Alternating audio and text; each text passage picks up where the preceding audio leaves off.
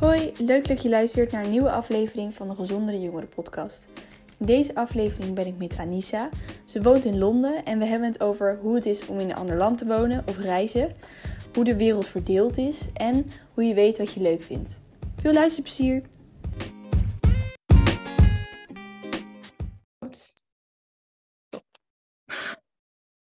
Oké, nou volgens mij loopt die. Super. Nou, hartstikke leuk dat je luistert naar de nieuwe aflevering van de Gezondere Jongen podcast. En in deze aflevering ben ik met uh, Anissa. En deze keer niet in Nederland. Tenminste, ik ben wel in Nederland. Maar Anissa niet, want jij bent in Londen. En ik vind het wel heel tof om ook iemand te hebben uit het buitenland. Ik vind het wel heel grappig. En um, ja, we, ja, we kennen elkaar via via eigenlijk. En zelf ben ik ook een keer in Londen geweest. Hebben we elkaar ontmoet. Hartstikke leuk gesprek, ook samen met mijn zus. En ik dacht gewoon, want je hebt zelf ook een podcast. Uh, zou ik ook een linkje inzetten, dus heel leuk om te luisteren. En um, ja, dus ik dacht gewoon, laten we een podcast opnemen. Why not? Het is hartstikke leuk om uh, te doen. Ja, ja, super. Ja, dus leuk dat je er bent. En kun je misschien eerst even een beetje jezelf voorstellen, wat je, wat je doet en wat voor werk je doet of uh, wat, je, ja, wat je leuk vindt om te doen? Zodat mensen ja, een beetje... Ja, tuurlijk. Ja, allereerst, ik vind het echt super leuk om dit te doen. Um, het is heel tof dat je me hebt gevraagd. En ik vind je podcast ook hartstikke leuk. Um, en ik denk ook dat veel meer jongeren daarnaar mogen luisteren. Dus, um, dus uh, hou, hou, dat vooral vast. Super, super leuk. ja, mijn naam is dus Anissa. Ik kom uit Utrecht. ik woon nu inderdaad in Londen. ik, ik, ik weet niet of ik trouwens nog geschaard wordt onder de term jongeren. Volgens mij is er vanuit de VN is er een, is er een definitie dat je nog jongere bent tot 35. Als dat zo is, dan ben ik nog jongere. Wat, hoe oud ben je? Als dat niet zo is, ik, uh, ik ben bijna 32. Um, oh, ja. um, dus, uh, dit, dit, nou goed, nee. dat geeft denk ik even nou ja, wat, wat, We kunnen ook leren van ouderen, dus wat dat betreft. Zeker, ja, nee, zeker, absoluut. Um, ja, dus, dus dat over um, qua, qua, qua context. En mijn achtergrond, ik heb, um, ik heb in Nederland gestudeerd, um, in, zowel in Utrecht als in Tilburg.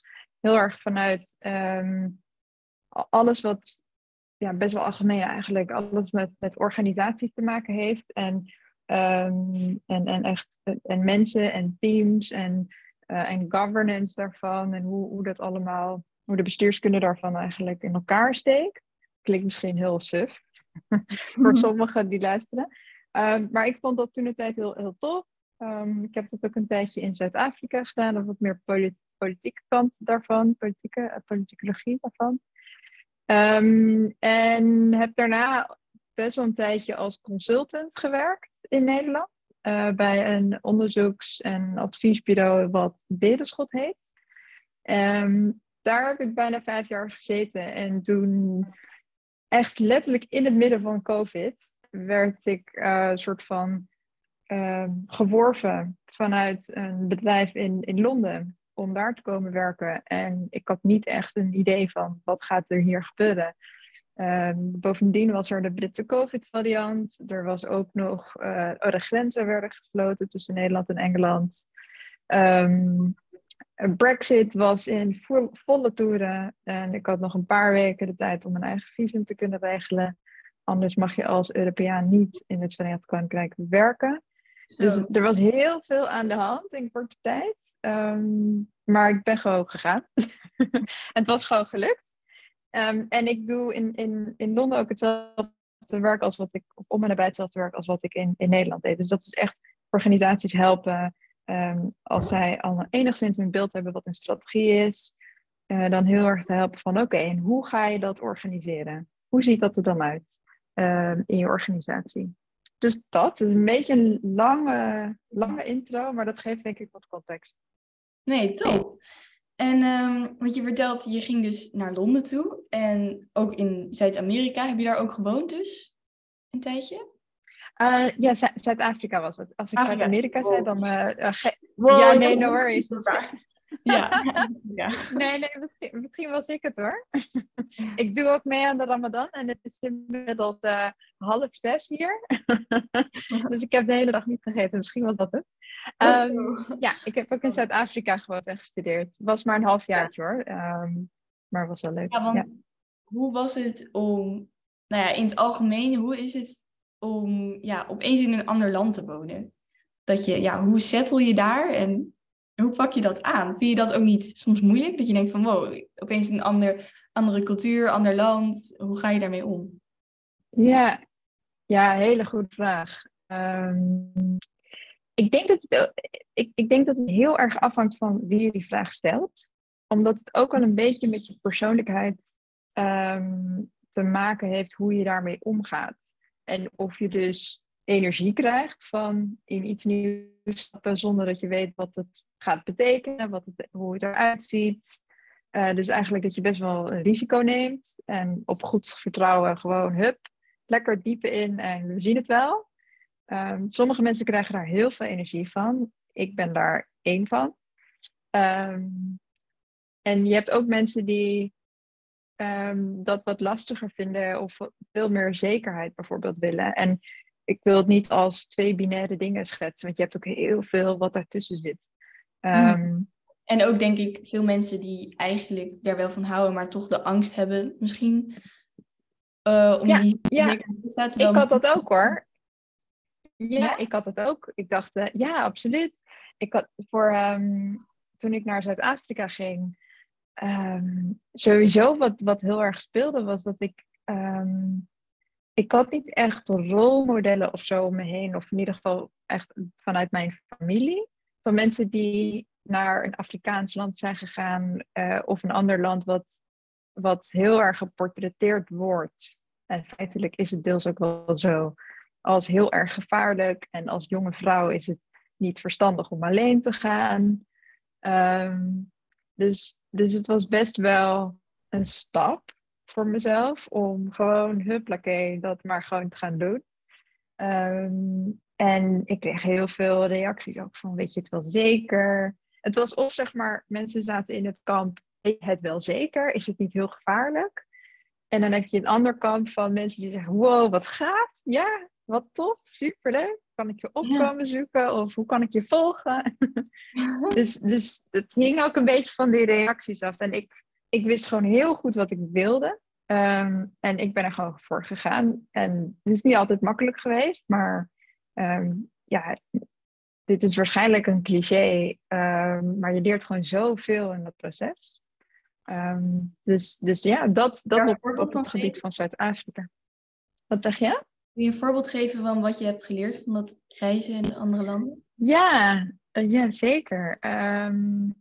je leert, ik, om vanuit mezelf te spreken, ik heb heel erg geleerd om uh, uit te gaan van mijn eigen kunnen en heel erg zelfstandig te kunnen zijn. Uh, want er zijn heel veel situaties waarin je terechtkomt dat je echt op jezelf, uh, op jezelf moet rekenen.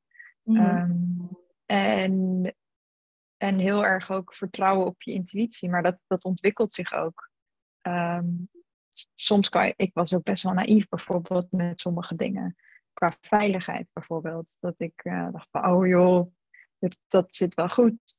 Maar in Nederland zijn we heel erg... Um, Nederland is echt een heel veilig land, vind ik persoonlijk. Ja. Um, ik bedoel, ik weet ook wel, natuurlijk, je kan... Uh, als je in een van de grote steden ergens in een steegje op het verkeerde moment uh, terechtkomt, kan je ook gewoon beroofd worden. Of, of misschien zelfs vreselijkere dingen die kunnen gebeuren.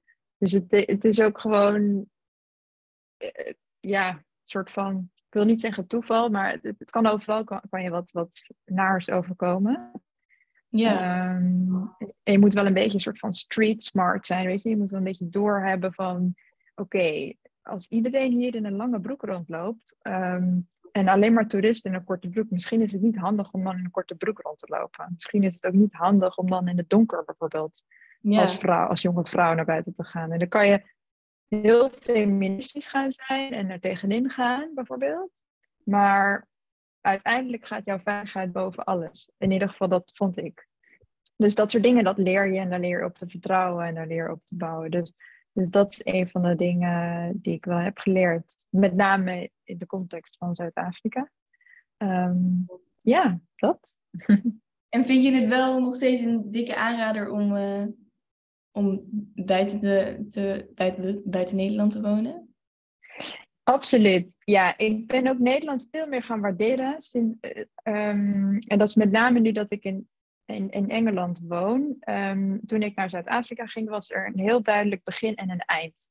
Dat is, heel, voor heel veel uitwisselingsprogramma's en um, uh, ja, of onderzoeksprogramma's. In mijn geval was het zowel een onderzoek als een uitwisselingsprogramma. Dus dat is een beetje van beide.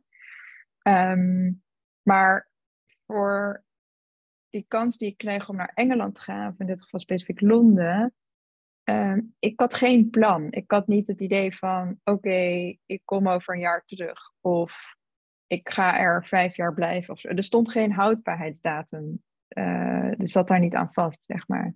Dus het, het ligt totaal, het hangt totaal af van hoe ik, um, ja, wat ik, wat ik wil en wat ik ervan wil maken.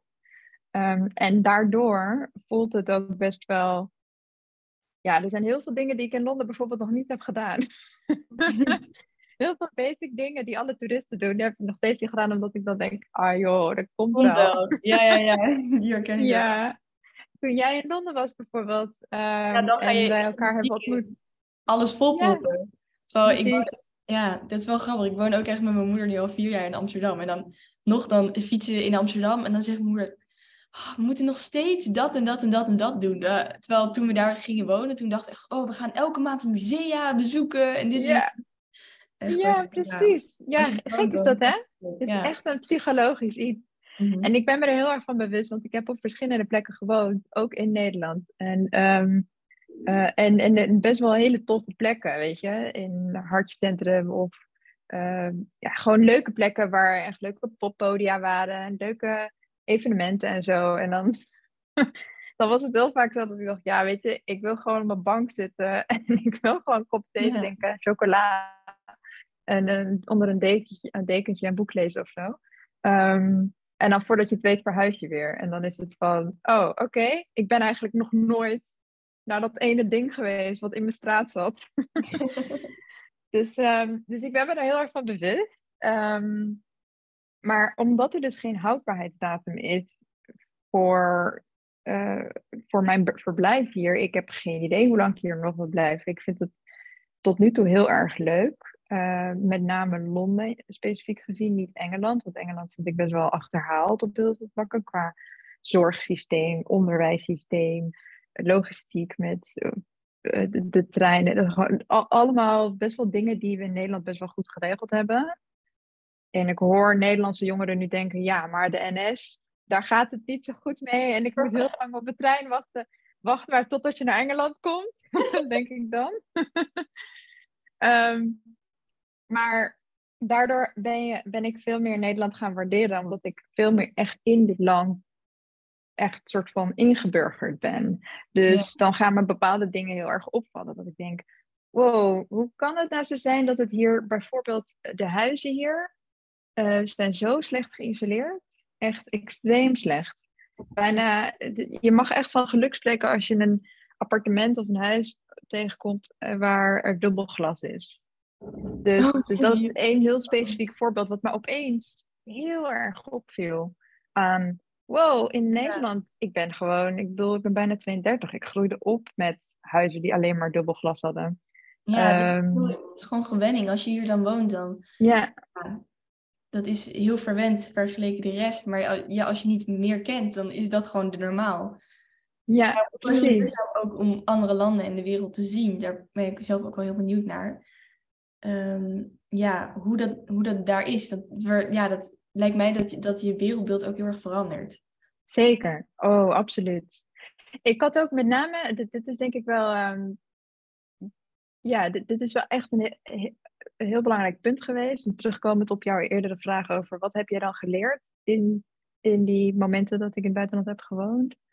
Um, specifiek in Zuid-Afrika merkte ik heel erg hoe um, hoe bizar eigenlijk mijn, beeld, mijn wereldbeeld was ten opzichte van Afrika. En de ironie is dat ik een Marokkaanse achtergrond heb. Dus ik ben gewoon Afrikaans. Mijn roots zijn Afrikaans. Ehm, maar ik, ik had zo'n ander beeld. Want vanaf de kleuterklas werd er heel erg gestimuleerd van.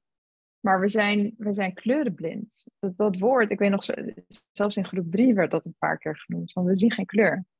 En toen ik in Zuid-Afrika woonde, merkte ik juist heel erg van, wow, maar het is eigenlijk met name in die context en als je er breder gaat kijken wereldwijd, is dat echt ook zo, vind ik. Het is best wel respectloos op het moment dat je, dat je heel erg kleurenblind naar de wereld kijkt, omdat je dan eigenlijk zegt, er is geen probleem. Um, en, en er zijn geen verschillen. Er zijn geen ongelijkheidsverschillen. Um, en we kunnen die verschillen ook niet verklaren aan de hand van uh, kleur. En aan de hand van. Het gaat niet trouwens alleen om kleur. Hè? Dat, dat zit heel diep verankerd in heel veel verschillende dingen ook. Dus uh, sociale achterstand. Met sociale achterstand bedoel ik, wat is je netwerk, weet je? Um, als jij opgroeit in een omgeving waarbij mensen al zo'n giganetwerk hebben, dan gegarandeerd dat je een staat krijgen of een eerste baan of wat dan ook. Heb je dat niet, dan is het heel lastig. En dan sta je alweer met 3-0 achter ten opzichte van je uh, studiegenoten, klasgenoten, et cetera. Hetzelfde geldt voor uh, economische ongelijkheid uh, en politieke ongelijkheid. Nou, er zijn zoveel dingen die ik echt heb geleerd in dat land. Um, en dan keek ik terug naar Nederland en, en gewoon het hele wereldtoneel eigenlijk. Heel veel gelezen ook over die onderwerpen. Um, dat ik best wel, mijn beeld was totaal veranderd. Uh, dus, dus dat is, dat heb ik meegenomen uit mijn tijd in Zuid-Afrika. In combinatie met ook echt daar studeren en daar echt ook die literatuur lezen en, en dat helemaal omarmen. En gewoon helemaal uit alle nieuwsgierigheid die ik had, daarin gieten. Um, maar ja, dus, dus het is absoluut heel erg belangrijk um, denk ik, en super waardevol voor de rest van je leven om zoiets mee te maken. Omdat je zoveel leert over de wereld, over jezelf, jouw positie in de wereld, jouw relatie met jezelf. Want je hebt, iedereen heeft een relatie met zichzelf. We hebben weet ik veel hoeveel duizenden gedachten per dag. Je bent per minuut misschien zelf. in gesprek eigenlijk met jezelf. Ja. Je bent inderdaad, je bent constant in gesprek met jezelf. Ehm, en je ontwikkelt je constant. Je, je, je, je, volgens mij is dat je prefrontale cortex, die is pas vanaf je 25ste volledig ontwikkeld, weet je wel. Je, er zijn zoveel dingen die in ontwikkeling zijn op dat moment in je leven. Ehm, waardoor zo'n ervaring je echt verrijkt. Eh, maar goed, ik spreek natuurlijk heel erg vanuit mezelf. Ja. Um, nee, ik sluit er wel heel erg op aan in wat ook over die ongelijkheid wat jij zei. Ik denk dat het ook iets is wat ja, wel meer erkend mag worden en over gepraat mag worden. En ja, het is ook iets wat ik me wel de afgelopen tijd heb beseft. Dat ik dacht van wow, wij, wij leven inderdaad ook hier in Nederland. En het is, het is zo'n rijk land. En ja, ik had dat nooit echt zo nou ja, wel gezien. Maar dat ik het dan bijvoorbeeld met aardrijkskunde erover heb. Van ja, wij zijn... Uh, zo'n goed land vergeleken andere landen. Die doet dit economisch zo en zus. En dan heb ik het er eigenlijk over. En dan denk ik ook bij mezelf, waarom doen we er eigenlijk niks zoveel aan?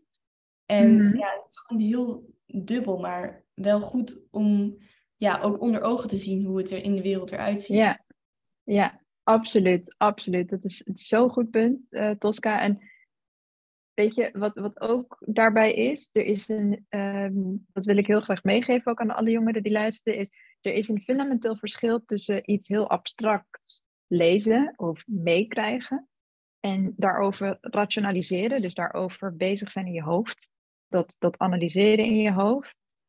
En echt ook daadwerkelijk ergens zijn, iets op willen bouwen en, en dichter in contact staan met je gevoel. En echt iets ervaren en voelen. En, en ook te connecten met andere mensen, echt die verbinding aan te gaan met andere mensen. Ehm, dat zijn twee zulke verschillende dingen. Je kan rationeel iets op een heel andere manier zien, vanuit een heel ander perspectief. Maar op het moment dat je er bent en je het meemaakt en je het ervaart en je er doorheen gaat, dan is het zo anders. En dat heb ik zowel in Zuid-Afrika als als nu in Londen ook. Ja, en de afgelopen 2,5 jaar. Het is ook zo makkelijk om ook bij aardrijkskunde dan maar je boek dicht te slaan en gewoon doorgaan met je eigen leven. Want ja, ja dat, terwijl als je echt in een land bent of zo, ja, dan komt het zo hard binnen. Dan, ja, dan kan je ook niet anders, inderdaad. Ja, en het is daar wat ik. Um, ik vind nog steeds een hele mooie vraag die je stelde, die eerste vraag van wat heb je dan geleerd uit, zo'n, uh, uit die ervaringen? Ik weet nog heel goed dat um, er was een moment, ik, ik woonde in Stellenbosch, dat is um, een van de, um, een stad, een klein stadje net buiten de stad. daar studeerde ik en ik was heel regelmatig in Kaapstad. En ik weet nog dat ik een keer met een, een vriend uit Kaapstad vanuit Stellenbosch reden we naar uh, Kaapstad om te gaan uh, wandelen door de bergen.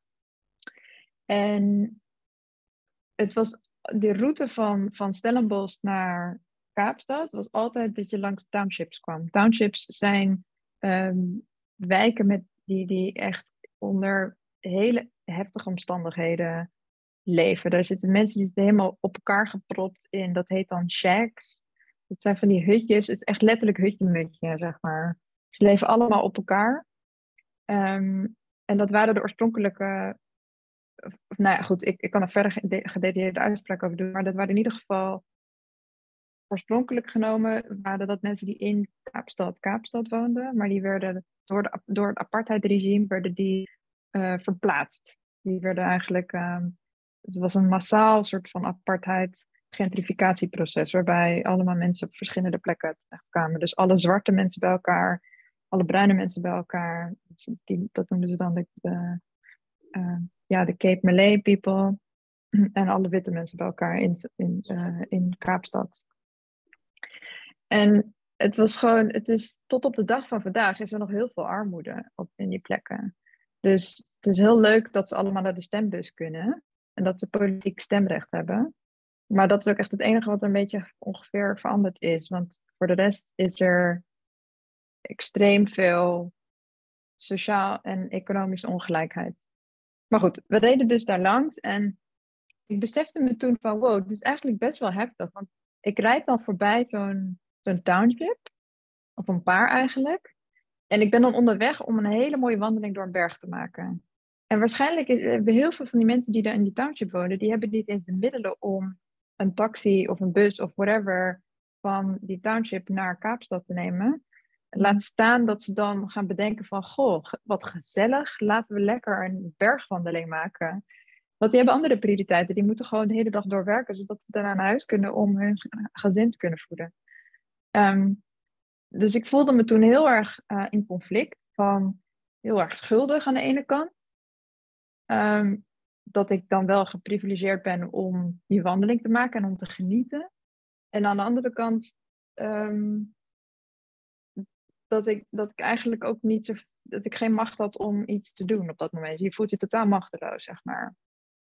Maar ik weet nog dat ik toen heel mooi gesprek had met een vriendin en uh, die was dan in Nederland en die zei weer, weet je, het, het ding is, er is ongelijkheid in deze wereld en daar moeten we allemaal, zowel individueel als systematisch, op grotere schaal wat aan doen. Uh, en ons eigen steentje bijdragen, de manier waarop we dat kunnen. Maar aan het einde van de dag Ehm, iedereen heeft zijn eigen struggles. Dus jij hebt je struggles en die zijn precies voor jou gemaakt. Dat is gewoon precies wat jij nodig hebt om een groei door te maken. En die mensen hebben struggles. Het is niet, het is niet om te zeggen, blijf maar lekker in je township zitten. Absoluut niet. Um, verre van. Maar meer om aan te geven van, je gaat dingen meemaken als je naar het buitenland gaat. Omdat de realiteit is dat in Nederland, we hebben een, een zorgsysteem wat verzorgingsstaat bedoel ik. Wat best wel, en ik, ik benadruk de term relatief, want er zijn ook heel veel issues in Nederland die ik niet wil bagatelliseren.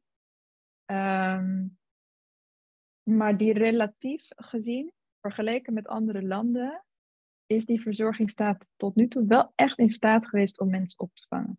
Als ik bijvoorbeeld mijn baan kwijtraak of als ik voor een lange periode ziek ben, stel ik krijg een burn-out of uh, er is iets aan de hand en ik kan even een significante periode niet werken. Ik word niet opgevangen door dit land. Ik krijg geen, er is, er is niks. Er wordt, je wordt niet bijgestaan. Ehm, sterker nog, je wordt gewoon ontslagen, zeg maar. En dit is een, een westers land, om het maar zo te zeggen. Ja.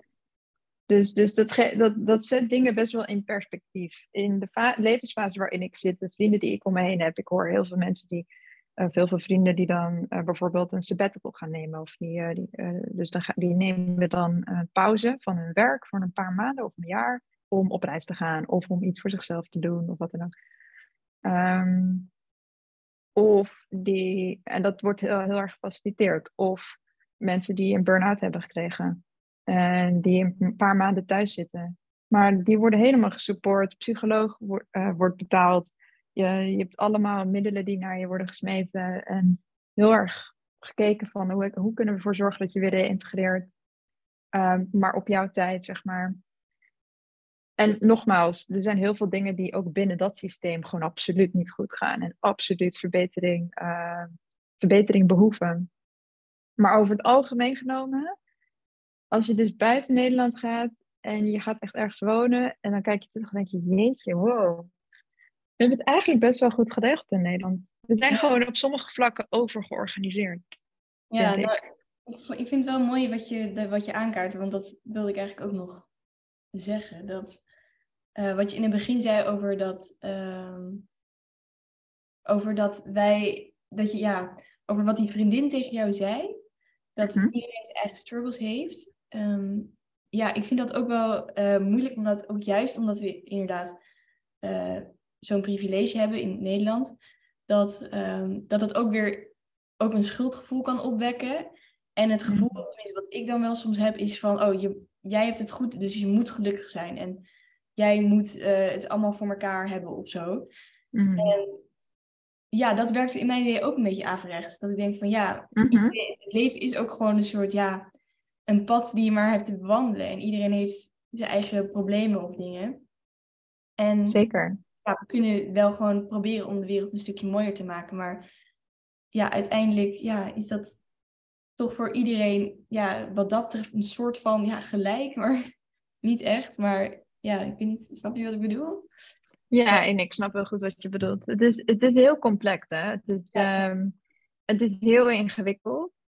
En ik denk waar het ook heel erg op neerkomt, en dat is ook wat helpt op het moment dat je in het buitenland gaat wonen, maar dat hoeft niet per se alleen dat te zijn, het kan, gewoon, kan ook in Nederland trouwens, is heel goed jezelf te beter begrijpen. Op het moment dat je beter beter begrijpt wat jij drijft, wat, jou, wat jouw kernwaarden zijn um, en wat je intenties zijn met dingen, dan um, en je ook niet altijd staat te kijken van wat de meningen zijn van andere mensen, want er zijn heel, iedereen heeft een mening over, over je leven. Um, maar uiteindelijk gaat het niet om wat andere mensen vinden en denken over je. Het gaat echt om van wat, wat zit er diep van binnen? Wat, is, wat drijft jou nou eigenlijk? En wat, wat maakt jou nou jou? Weet je, er is maar één Tosca op deze wereld. Die is zoals met jouw DNA, met gewoon wie jij bent. Ja. Um, en, en dat is, als je daarover nadenkt, dat is zoiets moois. Dat is, het is, we zijn op zichzelf zijn we allemaal kleine kunstwerkjes die heel uniek zijn allemaal. Um, en toch zijn we met elkaar verbonden, omdat we allemaal eigenlijk hetzelfde willen. We willen gelukkig zijn, we willen uh, geliefd zijn, we willen het gevoel hebben dat we kunnen ontwik ons kunnen ontwikkelen als mensen. We willen het gevoel hebben dat we ergens bij horen, we zijn sociale dieren. Nou ja, ik heb er geen studie naar gedaan, maar volgens mij zijn dit wel een beetje de basics en misschien vergeet ik een paar. Maar aan het einde van de dag gaat het ook daarom. En als, en dat is een pad. Dat is zeg maar niet zo'n lineair iets van op een gegeven moment heb je, oké, okay, ik weet wie ik ben. Nee. Ik, ik, heb nog, ik ben nog steeds in de zoektocht naar mezelf en wie ik ben en wat ik wil en wat ik, waar ik door gedreven word. Omdat het ook af en toe gewoon verandert door de tijd en door levenservaring. Um, en en dat, dat, dat helpt ook heel erg met jezelf te sterken van oké, ik kan misschien nu niet een heel dorp redden of een heel, heel land redden. Dat, dat is te groot. Maar ik weet je wat ik ga doen? Is, al, ga, al heb ik de impact gemaakt in één persoons leven, die ene persoon, dat kan, dat kan een soort olievlek worden. Als, als je die ene persoon een fijne dag hebt gegeven, of echt hebt geraakt, door diegene te helpen op, op een manier dat nuttig is uh, voor diegene. Ja, dan, dan kan dat weer positiviteit. Ja, en alles um, wat je in jezelf stopt eigenlijk, hoe meer je jezelf ook kent, hoe meer je dat ook weer terug kan geven in de wereld. Ja, ja absoluut. Absoluut. Weet je, denk maar gewoon na over. En ik weet dat dat in Londen veel meer is dan in Nederland. Maar wanneer heb je voor het laatst bijvoorbeeld iemand gezien die op straat de, de straatkrant verkoopt? Voor een supermarkt of uh, gewoon dakloos is op het station of wat dan ook. En dat je dan gewoon naar diegene toe bent gestapt en gezegd, en hebt, gevraagd hebt van... Goh, hoe was je dag vandaag? En kan ik je blij maken met een kopje koffie of zo, weet je wel? Mhm. Gewoon dat je iemand even in het zonnetje zet, zonder dat het gelijk iets heel groots hoeft te zijn. Maar het kan al iets heel kleins zijn. Dat, dat bedoel ik eigenlijk te zeggen. Ja, mooi. En het is heel grappig, net alsof je mijn gedachten volgt. Want mijn volgende vraag is: hoe, ja, wat, hoe ben jij er voor jezelf, ja, om jezelf beter te leren kennen? Wat zijn tips daarvoor? Of uh, hoe je beter weet wat je wilt eigenlijk? Mm, ja, mooie vraag. Hele mooie vraag. Wat je leuk vindt. Mm, ja, ik denk, ik denk dat het een, combinatie is van, van dingen. En dat het ook wel een beetje een gevoel, uh, een gevoel moet zijn. Maar ook heel erg gekoppeld moet zijn aan, of gekoppeld is aan je waarden. Um, wat jij echt, echt belangrijk vindt. En, um, en soms is het oké dat je gewoon even niet weet wat je wilt. Um, ik heb persoonlijk, ik heb een afgelopen, weet ik veel, uh, twaalf jaar of langer, heb ik wel momenten gehad dat ik echt heel erg gesterkt was in wat ik wou. En er echt helemaal voor ging en uh, geweldig. En dan, dan kwam er daarna wel weer een dip of zo. En dat ik echt dacht, oké. Maar ik dacht altijd dat ik van dit was. Maar weet je wat dat is? Dat is niet omdat ik dat wou. Dat is omdat mijn omgeving, of niet per se mijn omgeving als in de mensen die ik echt lief heb, maar gewoon de maatschappij, weet je wel. Dat je moet deze opleiding hebben gedaan. Of je moet in ieder geval dit hebben gedaan. Dan moet je dit doen. Dan als je afgestudeerd bent, dan moet je een huis gaan uh, vinden of een, een, appartement. Nou, dan moet je daarna gaan nadenken over met wie ga ik een relatie hebben. Um, dan ga je nadenken over samenwonen of, of wat je overtuiging ook is. Of je gaat trouwen um, en je gaat dan een huis kopen. Nou, al die dingen. En uiteindelijk, waar ik voor mezelf weer heel erg ben achtergekomen, is heb ik daardoor mezelf veel beter leren kennen? En het antwoord is eigenlijk nee, want het, is, het zijn allemaal afleidingjes van mhm. echt dieper, uh, dieper verbinden met mezelf. Um, en dat dieper verbinden met mezelf, ik denk dat dat met jezelf is heel persoonlijk. Dus voor mij is dat bijvoorbeeld, um, ik ben heel spiritueel ingesteld en ook um, uh, ik ben zelf bijvoorbeeld moslim, dus ik, ik haal heel veel uit mijn dagelijkse gebed. Maar ik haal ook bijvoorbeeld nu, het feit dat ik de Ramadan vast, daar haal ik ook heel veel uit. Je hoeft geen moslim te zijn om iets, iets om beter te weten wat je wil in het leven. Dat is voor ieder mens heeft wel de, de, de vaardigheden om er zelf achter te komen wat je, wat je fijn vindt en waar je op wil en wat, wat je, waar je energie van krijgt. Maar ik denk wat, wat wat ook echt belangrijk is, is um, gewoon proberen veel meer tijd voor jezelf te nemen. Dus echt veel meer alleen te zijn met jezelf. Um, en comfortabel te zijn met jezelf. En niet de telefoon erbij. En um, weet je, telefoon, ik bedoel, ik heb hem hier. Maar wat ik bedoel aan te geven is, dus er is een tijd en een plek voor alles alles moet een functie hebben, zeg maar. En tijd voor jezelf nemen moet dan echt als functie hebben dat je echt met jezelf bent en niet nog in met toegang tot sociale media of toegang tot anderen. En, en daarnaast, of wat mij in ieder geval heeft geholpen, is als ik veel meer tijd voor mezelf nam. Dus uh, alleen reizen bijvoorbeeld. Ik vond het echt heel fijn om alleen op reis te gaan. Omdat ik weer zoveel over mezelf leerde.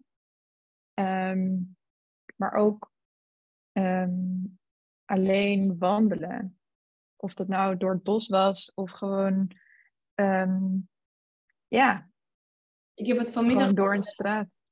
Ja, het is zo fijn, toch? Ja, het is, ik, ik, moet zeggen dat ik daar soms ook wel onzeker of zo kan, van kan worden. Dat ik denk van ja, ga ik alleen wandelen? Wat is dat nou eigenlijk voor geks of zo?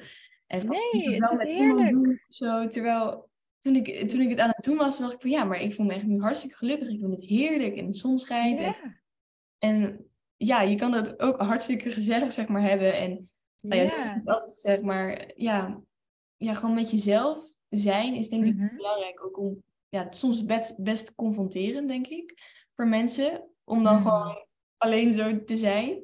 Maar het is denk ik wel heel belangrijk.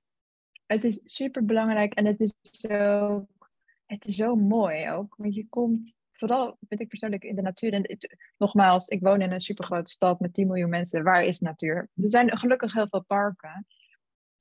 Maar het, het, hoeft niet, je hoeft niet zeg maar naar het einde van de wereld om tot jezelf te komen. Dat is eigenlijk ook mijn punt hier. Van, je kan die geluksmomentjes, die kan je zelf verzamelen door erachter te komen van wat vind je tof. Weet je, ik heb vrienden die het heel tof vinden om te gaan wielrennen ga lekker wielrennen. En doe, weet je, doe het. Ehm, hoeveel, hoeveel fijne stofjes komen er vrij en hoeveel gedachten komen er los die jou ideeën geven of informatie geven over wat je tof vindt en wat je minder tof vindt en waar je je fijn bij voelt en waar je je minder fijn bij voelt. Dat is allemaal heel veel informatie. Het, het laatste ding wat ik hierover wilde zeggen is, ehm, en dat is echt, ik, ik gun ik gun ehm, jongeren in het algemeen dat ze meer geduld hebben met zichzelf. Ik heb het idee, en dat komt ook omdat ik uh, jongere broertjes en zusjes heb, die echt veel jonger zijn dan ik. Um, dus het is bijna een soort van, ja, ik ben dan millennial en zij zijn dan uh, Gen Z, zeg maar. Best wel een generatieverschil. dus dat, dat het heel veel druk komt te zitten op je moet presteren, presteren, presteren. Ik voelde die druk al in mijn uh, jongere jaren. Maar ook heel erg van het moet zo perfect zijn en heel erg ehm, niet mogen falen. En heel erg. Uh, het, moet in één keer, het moet snel, het moet in één keer goed. En je moet gelijk weten wat je carrière gaat zijn en hoe je. Je moet alles eigenlijk gelijk weten. Terwijl je, bent nog, je hebt nog echt een heel leven voor je. En het is, het is oké. En, en niemand geeft, gaat je het antwoord geven ook. Dat, dat is ook het ding. Niemand. Alleen, jij gaat het vanzelf voelen. Dus, dus dat, ik denk dat dat het ook is. Ehm, echt geduld hebben en ook niet zoveel proberen aan te trekken van wat de meningen zijn van andere mensen.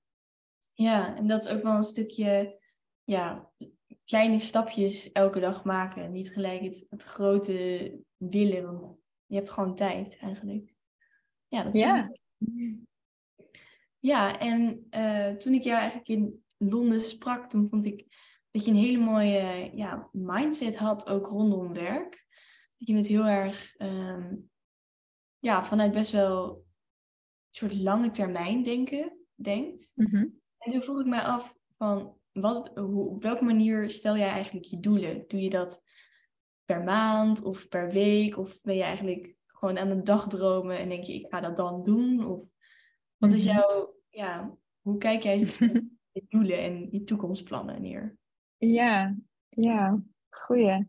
Ik heb, ik heb niet het idee dat ik dat heel actief doe of zo. Ik ben daar best wel intuïtief in. Maar mhm. ik heb altijd wel een bepaalde intentie. En die intentie die drijft ook wel mijn, mijn doelen. Ja. Ehm, dus, dus als ik bijvoorbeeld aan een nieuw project begin of een nieuwe baan of uh, de, de stap om naar Londen te gaan bijvoorbeeld. De intentie was echt, als ik dit ga doen, dan wil ik dat, um, dan, dan, dan hoop ik, dan, dan is mijn intentie om dat voor een langere tijd te kunnen doen. Om daar echt iets op te proberen bouwen. Um, en, en nou ja, ik zit hier nu bijna 2,5 jaar. En tot nu toe vind ik het ik vind Londen echt heel erg leuk. Um, dus, dus tot nu toe denk ik, oké, okay, zit nog wel goed, zeg maar. Um, en, en voor wat betreft echt doelen stellen. Ik denk dat het heel erg afhangt van wat, wat, voor, ehm, wat voor gelaagdheid het is. Dus echt zeg maar op banenniveau of, op, uh, of zelfs met studies. Ik, ik weet nog toen ik mijn eerste studie startte, ik was net 17 geworden. Ehm, er waren zoveel mensen die de hele tijd stopten met hun studie. En ik dacht echt, hé, maar waarom? Je, bent toch, je hebt nog niet eens dat eerste jaar afgerond. Maar, hoe kan je nu al weten, na een paar weken, dat, dat je het niks vindt? Zeg maar, ik, ik vond het best wel, ik vond het heel raar. In mijn hoofd komt dat echt heel slecht rijmen. Ik respecteerde het natuurlijk, want ja, is niet mijn leven. Maar ik vond het, in mijn hoofd dacht ik, ja, maar je begint toch iets met intentie om het af te maken. En als het dan, als je de eerste paar weken voelt, oké, dit is het niet, dan, dan ga je toch eerst onderzoeken ook van, maar waarom voel ik dat? Want het kan ook zijn dat, het, dat je je oncomfortabel voelt. Dat je daardoor denkt, oh, dit is niet voor mij. Maar dat hoeft niet te betekenen dat het, ja, het hoeft niet te betekenen dat het niet voor jou is. Snap je? Het is, het is best wel, ik weet niet, in mijn mindset is het heel erg van, ja, ga gewoon eerst langer proberen daarin te zitten. Kijk, en er zijn totale uitzonderingen. Als je in een context zit wat heel giftig is, wat niet oké is, wat echt tegen je principes ingaat, je mentale gezondheid of je mentale fitheid, uh, je voelt je gewoon mentaal niet fit genoeg. Um, het heeft gewoon echt negatief impact op je leven, op het welzijn van je leven.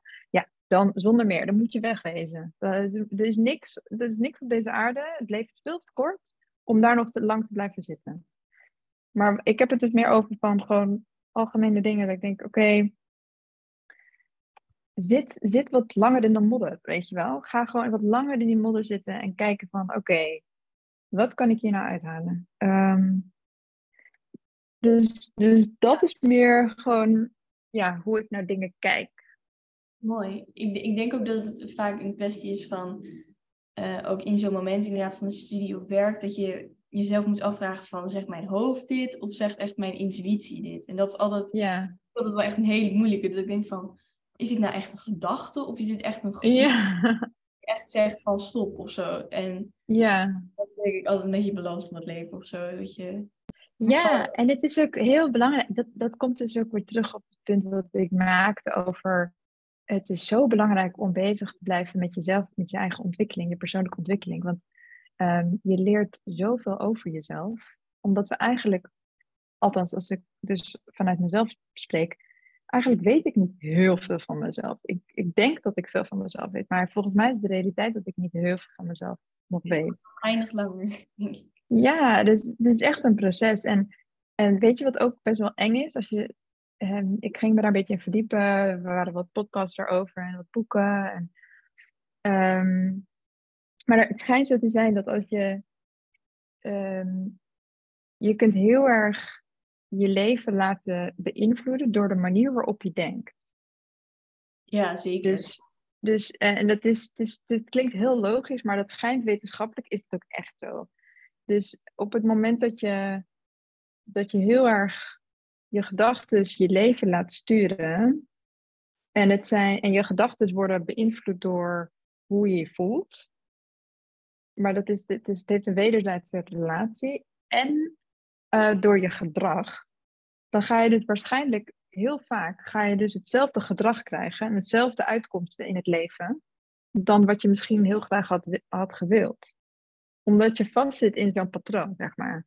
En daarom is het heel belangrijk om eigenlijk af en toe gewoon die tijd voor jezelf te nemen, zodat je beter, letterlijk uitzoomt, zodat je misschien aan een iets, mooi, iets minder mooie kant van jezelf kan reflecteren, maar ook lief naar jezelf toe kan zijn. En jezelf ook kan vergeven en jezelf, ook tegen jezelf kan zeggen van, nou, dat vond ik eigenlijk, als ik er nu op terugkijk zo, tijdens mijn wandeling of mijn fietstocht of wat het ook mag zijn, wat je fijn vindt om met jezelf te doen.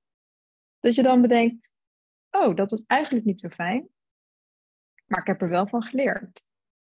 En ik ga het volgende keer ga ik het anders aanpakken. Dat is, zo, dat is zoveel rijkdom. Ik denk ook dat we allemaal veel, veel meer verbonden zijn dan met elkaar, met mensen onderling. En ook veel aardiger naar elkaar kunnen zijn. Want ik, ik heb het idee dat heel veel mensen ook best wel verhard zijn. Um, ja, ja, dat, nou ja, dat is mijn beeld. Ook altijd een vraag van, um, wat je tegen jezelf zegt, zou je dat ook tegen je jongere zelf zeggen. En 9 Ja. is het echt van, nou nee, want ik ben veel harder Ja. dan voor een kind bijvoorbeeld. Ja. Maar ja, het is ook echt die bewustwording van gedachten, denk ik. Dat is echt heel waardevol om ook dat loopje door te hebben. Dat je denkt van, wow, maar dat Ja. doe, ik- dat, die- dat, die gedachten, daar ga ik in geloven. En zo. Ja. En dan kan dat echt ja, je leven veranderen. Terwijl in je acties doe je misschien iets anders, maar je hoofd wel. Ja. Ja, ja, absoluut. Eén ding wat nog in mijn hoofd net opkwam, wat ik niet heb genoemd, maar wat wel ook ehm, volgens mij een ding is, omdat ik dat ook van mijn zusje toevallig hoorde, ehm, is dat volgens mij hebben best wel veel jongeren ook te kampen met faalangst. Eh, omdat er zoveel druk op hen wordt gelegd. Ik, heb, ik weet nog dat ik zelf een faalangstcursus heb gevolgd, omdat ik te perfectionistisch was met mijn studie. Ehm, dus ik heb daar ook best wel last van gehad. Ehm, ik heb er af en toe ook op werk last van, maar ik kan het nu veel meer mee- beter mee omgaan, zeg maar. Ik kan veel meer van een afstandje herkennen. Oké, dat is het deeltje van Anissa, die nu heel perfectionistisch wil gaan doen. We gaan heel even pauze nemen. Ehm, want ik herken het gedrag, of ik herken de gedachten. Maar we gaan, het gedrag gaan we heel anders doen, zeg maar. Dus we gaan niet dat, dat perfectionistische gedrag vertonen. En ik denk dus dat wat mij in ieder geval heel erg heeft geholpen, is dat soms is het enige wat je eigenlijk moet doen, is gewoon zitten en iets doen. Gewoon letterlijk. Gewoon je zit en je begint gewoon ergens aan.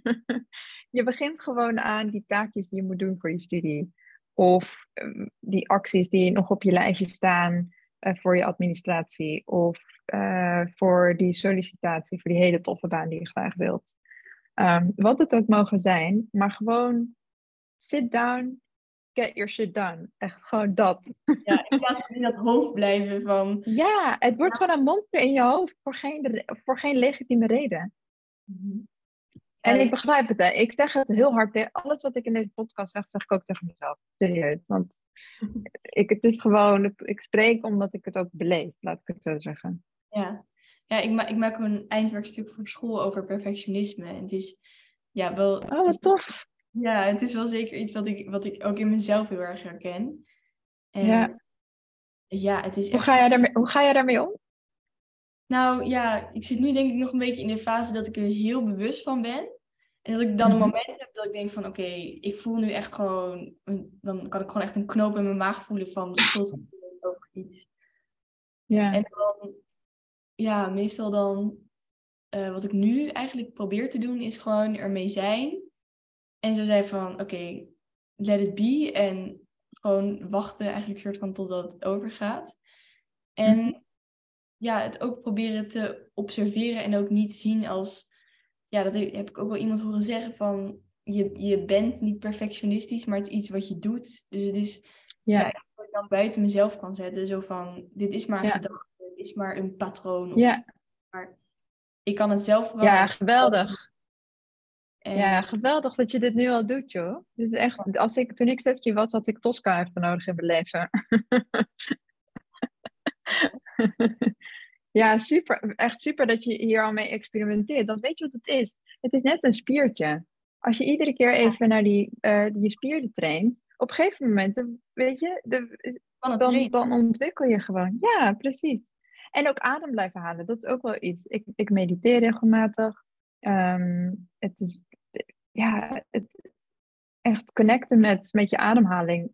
Ik weet gewoon bijvoorbeeld als ik iets heel spannends moet doen voor werk. Of ik moet opeens, weet ik veel, ehm, een of andere workshop geven met heel veel mensen. En, eh, of ik ben helemaal geïntimideerd en ik denk dat ik iets niet kan, omdat ik ook gewoon imposter syndrome heb. Dat hebben heel veel mensen. Dan moet ik gewoon letterlijk tegen mezelf zeggen: En Nisa, komt goed. Gewoon even ademhalen. En als ik merk van, oeh, ik vind het toch wel spannend. Ik haal gewoon even adem. En daarna opeens, echt zo'n trucje, dat je brein, dat letterlijk tegen je brein zegt van, het is oké, er is geen gevaar. Ja, want 9 van de En 10 dan voelt het daarna gewoon goed.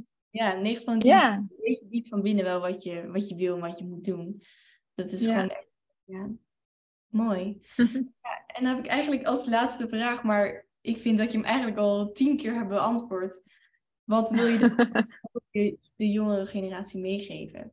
Als je nog wat te delen hebt, misschien niet meer. Maar... Ja, ik denk dat ik vooral kan samenvatten wat ik heb gezegd, inderdaad. Misschien komt er nog iets nieuws uh, erop af. Maar met name, ik bedoel, het thema van de podcast was ook heel erg gericht op dat, dat uh, jezelf ontdekken door naar het buitenland te gaan en daar te wonen. Dat, dat zou ik iedereen echt aanraden.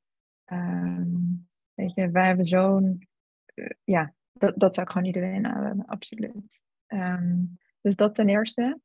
Ten tweede, um, gewoon oké te zijn met waar je staat in je leven. En het is oké, zeg maar. Tien jaar later, als je terugkijkt, ga je echt niet stressen om dat ene momentje wat je toen had op die dag. Um, dus, um, dus, dus gewoon oké zijn en, en ten derde ook heel veel momenten voor jezelf. In ieder geval verbinding met jezelf opzoeken. En dat kan voor iedereen iets anders betekenen. Um, maar echt erachter komen wat jij heel prettig vindt om te doen. Alleen om echt die relatie met jezelf te ontwikkelen. Um, super belangrijk. Um, ja, en, en ook gewoon geduld hebben. Gewoon, gewoon oké zijn met dat dingen niet gelijk nu, instant gratification, nu, nu, nu gebeuren. Want dat, dat gaat gewoon niet. Um, dus, dus dat. Um, en ik denk het laatste wat ik had gezegd was ook. Um, ja, ook niet heel erg je veel zorgen maken om wat andere mensen vinden van je. Omdat als je dat gaat doen, dan ben je altijd ga je, ga je met 10-0 achter staan. Omdat je gewoon niet, omdat je niet verbonden bent met wie je zelf, wat je zelf echt fijn vindt en wie jij bent. Um, dus echt connecten ook met jezelf betekent ook begrijpen hoe je in elkaar zit. Of beter begrijpen hoe je in elkaar zit. En wat jij belangrijk vindt, wat je waarden zijn. Ja, en als je een beetje perfectionistisch bent, gewoon zitten op die stoel en, en beginnen aan wat je moet doen. En gewoon doen. Nou. En vaak dan ben je er heel snel ben je erachter en denk je, oh, het viel eigenlijk best wel mee. ja, echt, echt fantastisch, Anissa. Ik ben je echt heel erg dankbaar. Ik heb ook, ik moet zeggen, nog nooit zoveel input van de spreker zelf gekregen. Je was echt super enthousiast en fantastische verhalen. Dus ja, dankjewel. En uh, dan wil ik hem bij deze afsluiten. En dankjewel voor het luisteren. En uh, tot de volgende keer.